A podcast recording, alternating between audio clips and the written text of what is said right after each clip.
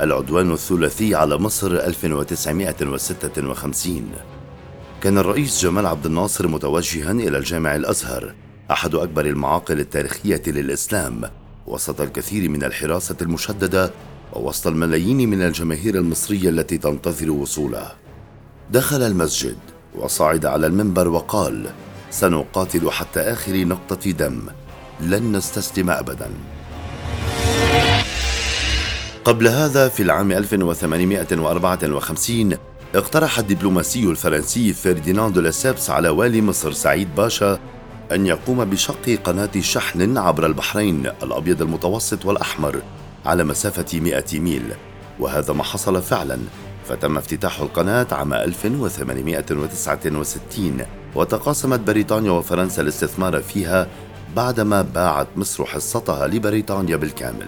تقريبا وبعد مئة عام كان عبد الناصر بصدد تأميم القناة وإعادة ملكيتها كاملة لجمهورية مصر العربية.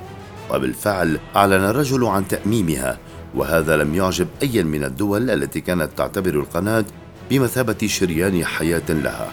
كان لعبد الناصر ومنذ اعتلائه سدة الحكم عدد من الأهداف السياسية. أولها إنهاء الاحتلال البريطاني إنشاء جيش مصري لمحاربة إسرائيل وبناء السد العالي وعليه وقبل إعلانه القتال من على منبر الأزهر كان قد أغلق الطريق في القناة أمام الملاحة الإسرائيلية.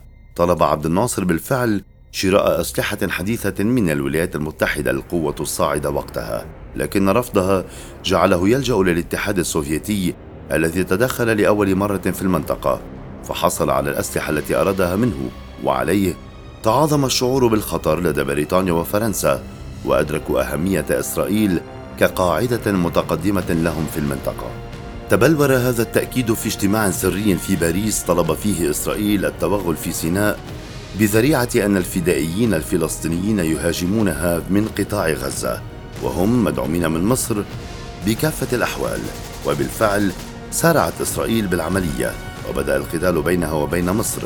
توجه البريطانيون والفرنسيون أنذارا للطرفين بوقف القتال بحجة حماية الملاحة الدولية. رفضت مصر الإنذار وهنا اكتملت حلقات العدوان الثلاثي. بينما كان عبد الناصر على منبر الأزهر كان الاسطول الملكي البريطاني يرسو على شواطئ مصر. وكان من ضمن تعداده عشر حاملات طائرات عدد من المدمرات والبوارج والقوارب السريعة مقاتلات متعددة المهام وسرية من الطائرات المروحية حليفه الفرنسي لم يكن أقل قوة منه وابتدأ الهجوم. القوات البريطانية الفرنسية ومعها الإسرائيلية وصل تعدادهم إلى نحو الثمانين ألف.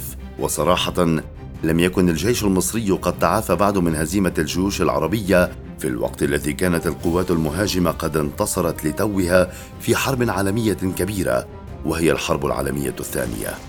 بدأ القصف على مدينتي بورسعيد وبور فؤاد وهذا القصف البحري والجوي كان يمهد للدخول البري لقوات المشاة والألوية إلى منطقة القناة ولم يتوقف القصف هنا بل وصل إلى مدن مصر المركزية مثل القاهرة والإسكندرية وطال أهدافا عديدة مثل مبنى الإذاعة.